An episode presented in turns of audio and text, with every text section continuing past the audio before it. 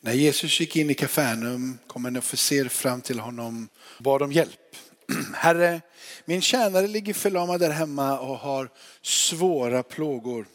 Jesus sade, ska jag då komma och bota honom? Officeraren svarade, Herre, jag är inte värd att du går under mitt tak, men säg bara ett ord så blir pojken frisk.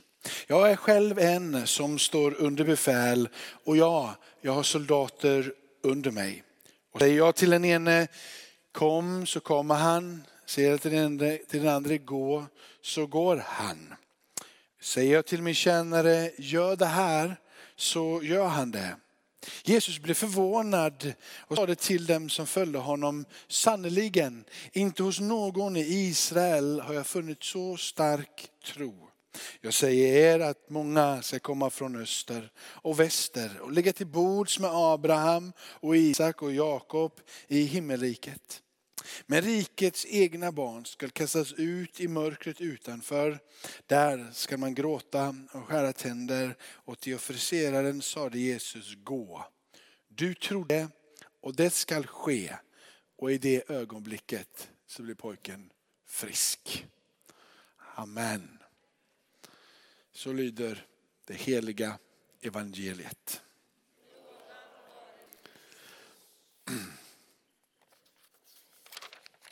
Hörrni, om du, om du, ni har ju bibeltexterna redo, har ni inte det så kan du lägga upp det under tiden. Vi kan börja i första kungaboken. Här som vi läste, eller Alma läste, eh, ämnet är ju Jesus skapar tro. Tro, vad är tro för någonting? Kan man ju undra. Första kungaboken, kapitel 8, vers 41 till 43. Och jag är från Örkelljunga. Vi börjar om där då, som du ska lägga ut det på nätet. Så är dagens, eh, dagens ämne Jesus skapar tro. Och eh, vi går tillbaka till den texten som lästes innan här ifrån första kungaboken kapitel 8. Eh, jag gillar den här bönen. Den här, det, här är, det här är, eh, det är en lång historia för att komma dit, men, men Gud vill inte ha ett tempel, men, men David ville ha ett tempel. Och så, så, och så blev det ett tempel, för att David ville det. Gud kanske inte hade första prioritet att göra ett tempel, för han bor inte i ett tempel säger han. Men eh, någonstans har människorna hela tiden skapat sin egen vilja. Och det, Jesus säger ju det när han kommer och har bergspredikan, vi kommer in i det sen. Då säger Jesus själv, så här, ja, ni har hört att det har sagts. Ni har fått det, för det var inte så många som kunde läsa. Så det var inte så att ni har läst. Utan det var ju liksom, äh, det så som vi har idag med folkbildning och skola och så var inte lika vanligt. Liksom. Det var dyrt att kunna, att, eh, kunna läsa och skriva. Det kostade pengar, man var tvungen att vara en ganska fin familj för att kunna detta. Så det, Jesus säger inte att ni som har läst det här, utan ni som har hört det här. Det har fått förklarat för er hur det ligger till. Och så kommer Jesus och säger så här, men jag säger er. Så eh, eh, Jesus säger själv att, eh, att ja, ni har sagt det här och ni har fått det nedskrivet i en lag och ni har fått det förklarat för er men nu säger jag er. Lite samma känsla är det med det här templet. Gud säger elände så att de tjatar om det här templet. Ungefär som när Gud, när, när Gud säger jag vill inte att ni ska ha en kung. Och folket säger vi vill ha en kung. Eländes. Rackarns så att ni inte förstår det här. Och så säger han okej ni får väl en kung.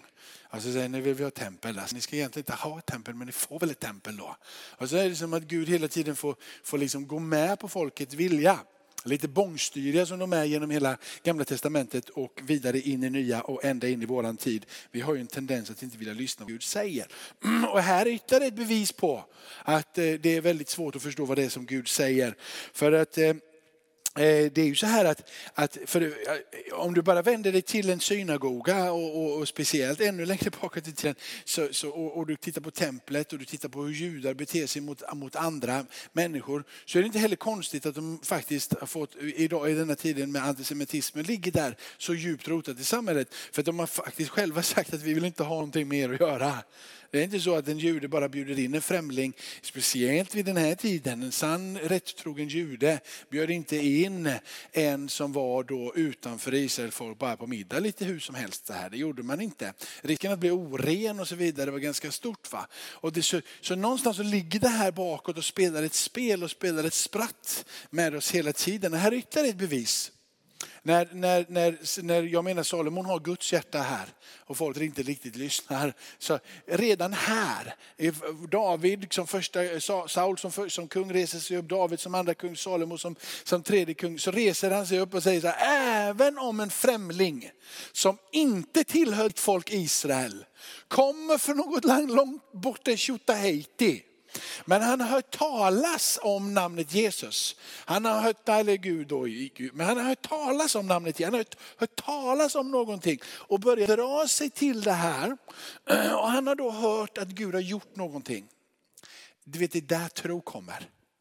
Tro kommer inte bara som ett moln och landa i annans hjärta. Puff, nu tror du. De börjar tro för att de har sett en gärning. De har sett en handling. De har sett någonting och det är handlingen, utförande verket som de tror på. De har sett den här guden göra någonting. De har hört talas om att den här guden har gjort någonting. Det är det de tror på. Det är det som möjligen den här främlingen som kommer från ett land långt borta i Tjotahejti tror på.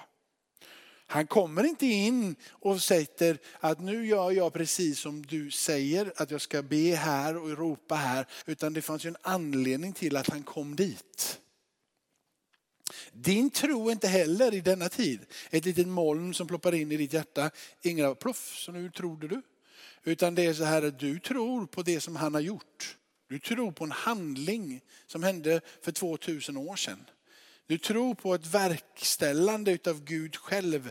Någonting som han har gjort, som du sen har hört talas om eller nedskrivet i boken där, som du sen lägger dig och lutar dig emot. Så det är inte någonting liksom som du ska försöka fånga här idag, tro.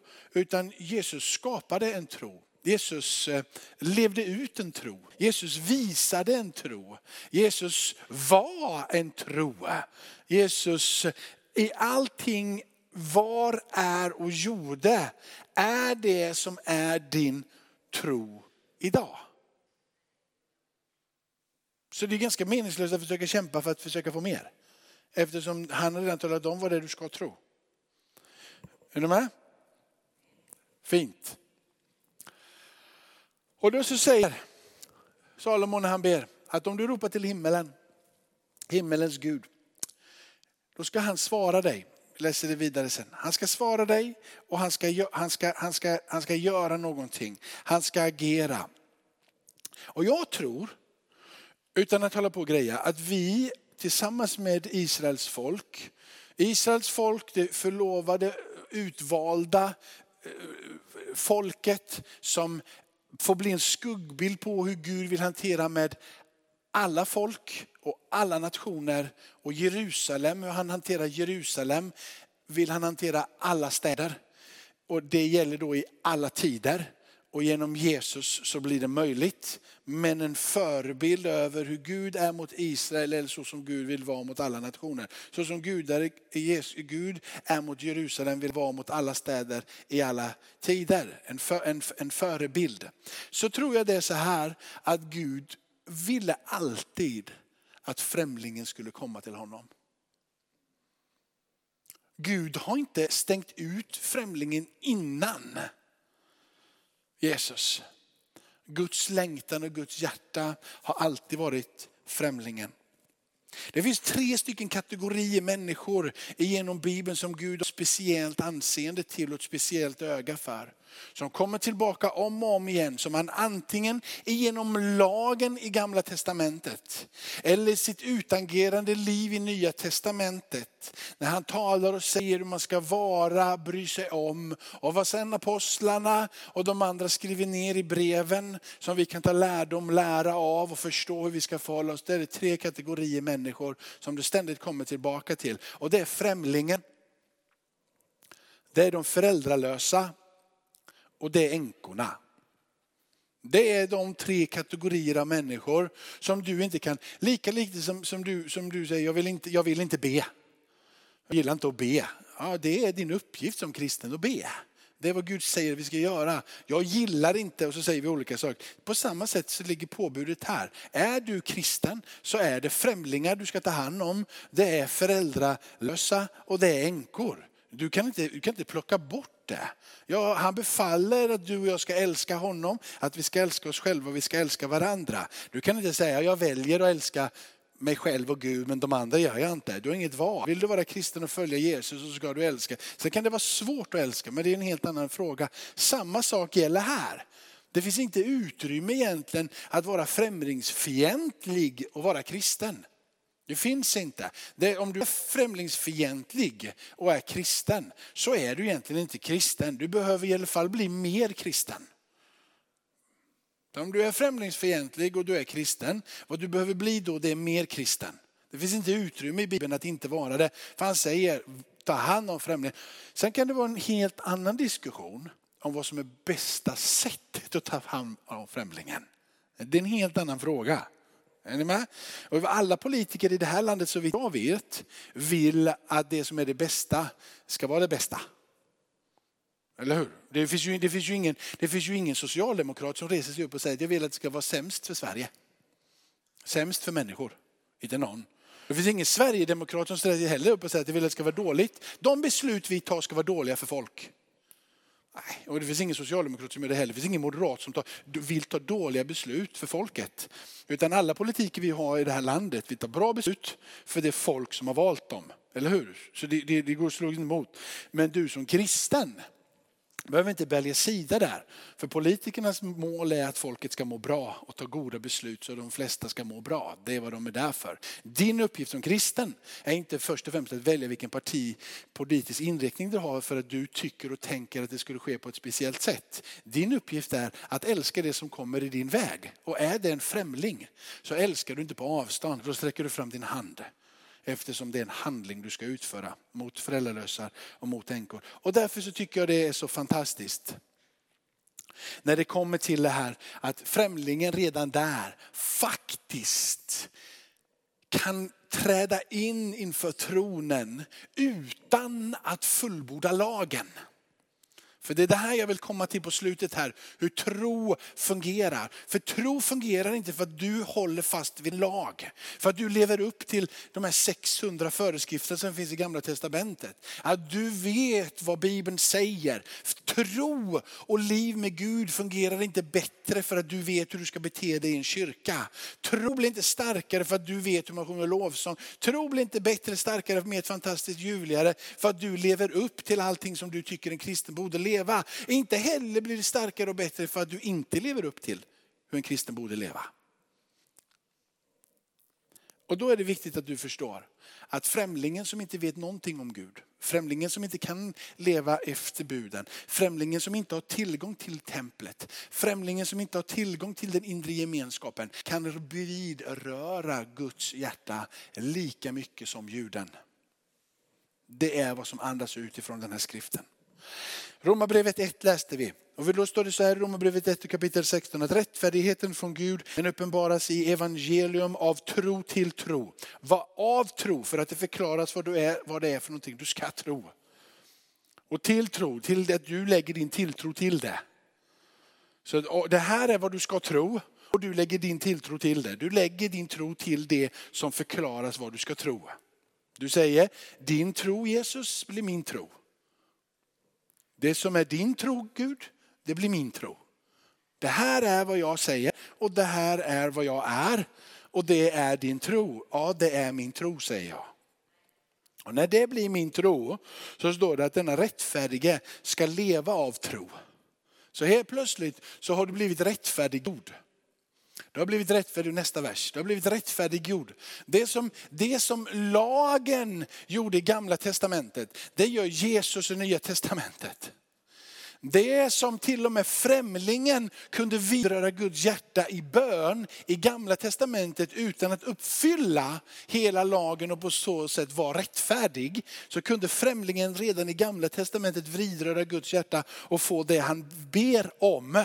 Hur mycket mer borde inte du och jag i det nya förbundet, när vi har blivit rättfärdiggjorda genom Kristus Jesus och han har uppfyllt hela lagen åt dig och mig. Vi har ställt oss i honom. Om vi än skulle kallas främlingar i nya testamentet så skulle du och jag också kunna vidröra Guds hjärta. För vi har hört vad han har gjort och vi tror på det han har gjort. Och vi har sett hans väldiga mäktiga hand leda Israels folk. Hans nåd har varit ifrån släkte till släkte och i evinnerligen. Amen. Och då står det så här i Romarbrevet 10, 10 vers 4. Då står det så här, ty Kristus är lagens slut. Och inte bara det att han säger att i gamla testamentet så kunde det främlingen vidröra Guds hjärta utan att uppfylla lagen. Den rättfärdige som levde efter lagen kunde vidröra Guds hjärta.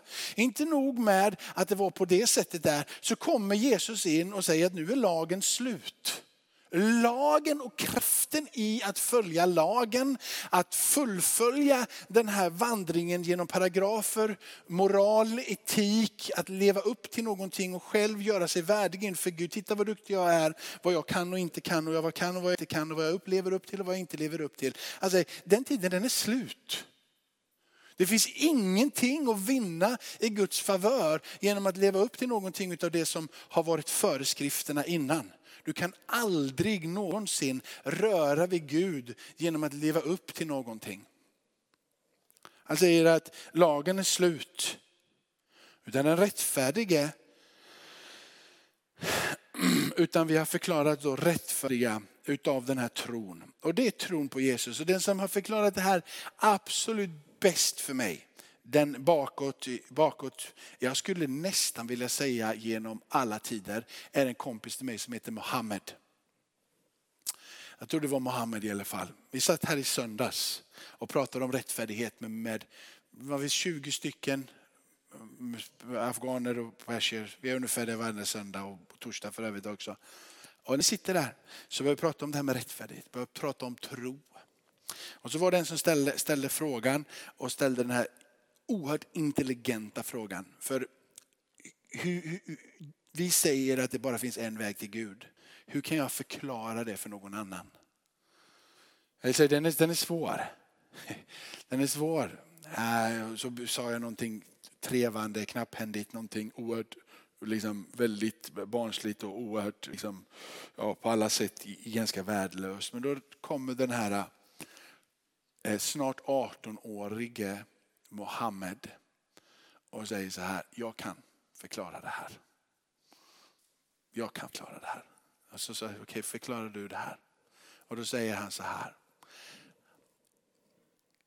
Skillnaden mellan religion och att tro på Jesus.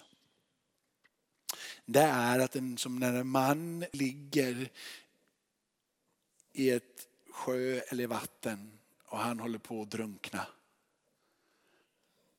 religion kommer fram och kommer med en beskrivning är hur han ska försöka ta sig upp i vattnet eller hur han skulle kunna ta sig upp i vattnet. Ge beskrivningen klart och utförligt, på alla sätt bra.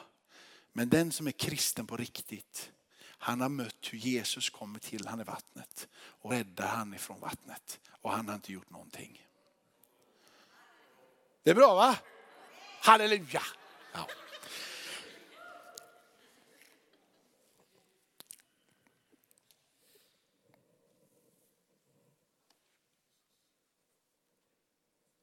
Det är hans tro.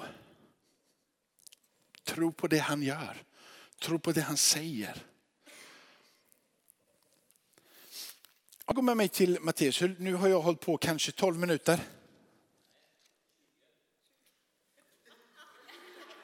Förstör ju allt om jag hållit på i 20 minuter. Jaha.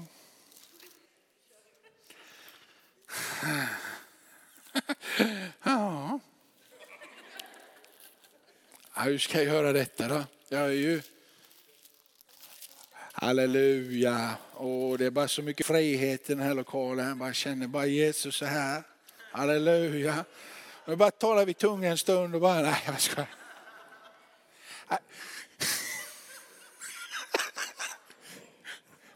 Halleluja. Hörrni, nu är det så här. Matteus 8 var vi också läst ifrån. Och Matteus 8 så är det så här att, eh, att eh, det är en otroligt intelligent Jesus som eh, först har suttit sig ner och, och, och under bergspredikan kapitel 5, kapitel 6, kapitel 7 förklarat för, för det folket som följer honom vad det innebär. Vad, vad, vad är det nu, vad, vad, är det nu som, som händer? Och han talar om eh, liksom allting vad, vad att säga att lagen är upphörd eller lag fullbordad. Jag är fullbordandet utav det som Gud har sagt i alla tider. Jag gör det här för er så rättfärdigheten kan komma precis det som vi har pratat om. Sen så, sen så pillar han in i små detaljer och talar om hur de ska bete sig, hur de ska vara mot varandra. Han, han demonstrerar att kärlek är större och viktigare än vedergällning. Han, han går liksom in och talar om en sån typ av moral och etik som är långt mycket större än hela lagen. Nu, om, om, det, det, finns inte, finns liksom, finns ingen som kan leva upp till det han gör. Och direkt när han kommer ifrån denna fantastiska förkunnelse som, som, som i ord förklarar allting som han sen gör när han vandrar. Det här, det, här är, det, här, det, här, det här är jag, det här kommer jag att göra, det här kommer ni se mig göra. Det här är det som alla människor kommer att, kommer att prata om mig på det här sättet sen. Hur jag, hur jag älskar alla människor, hur jag tar hand om alla människor. Och så säger han det i ord och så har han sagt det, nu har han sagt det här i ord. Och nu ska jag gå ut och visa hur det här fungerar. Och då är det så fruktansvärt eh, fantastiskt att författaren till Matteus, eller till Matteus evangeliet eh, låter det ske. Utifrån den här platsen Jesus kommer så möter han en spetälsk. En som är oren. En som inte får komma in i templet. En som är utstött. Inte bara personen är utstött och får inte vara med någon annan än de andra spetälska. Han är inte accepterad, omfamnad. Han är så oren som man oren kan vara. Första personen som Jesus möter efter att ha kommit och sagt att jag har fullbordat hela lagen. Första personen han möter när han talar om att ni ska få se någonting som ni inte innan har sett. Jag ska vända upp och ner på allting vad religion är. Ni ska få se vad ett autentiskt liv tillsammans med min fader i himmelen på verkligen är. Hur min fader i himmelen vidrör utanförskap och talar och omfamnar det som ingen annan vill röra vid. Hur min fader i himmelen rör vid marginalerna där ingen annan kan röra sig och vara, för då blir man oren och smutsig. Då går han in och rör vid en spetälsk. Det som händer när Jesus kommer, det är att Jesus blir inte oren. Men den som är spetälsk blir ren. Det var vad som hände när du mötte med Jesus.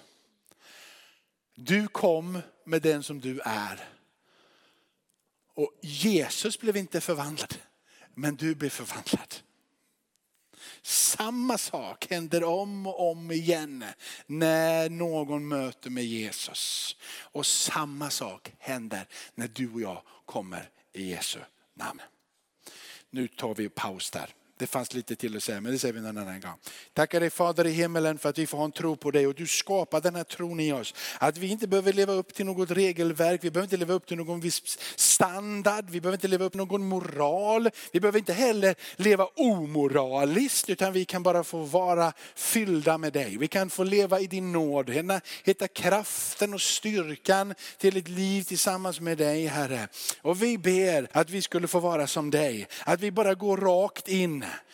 och gör det du säger att du gör. Vi går rakt in till det som är utstött, det som är främlingar, det som är änkor, det som är de föräldralösa, det som lever i marginalerna i vårt samhälle och det som folket säger vi blir orena av, vi har inte kraft att förvandla det. Där går vi in i ditt namn Jesus. Vi bär ditt segerbaner och vi tar oss in på de områdena, område efter område och vi deklarerar att Jesus är Herre, han är konungarnas konung han har dött, han har uppstått och han har lovat att en dag komma tillbaka. Vårat saliga hopp och deras saliga hopp är i namnet Jesus. Och allt folket sa amen. Nu står vi upp tillsammans vänner och läser trosbekännelsen.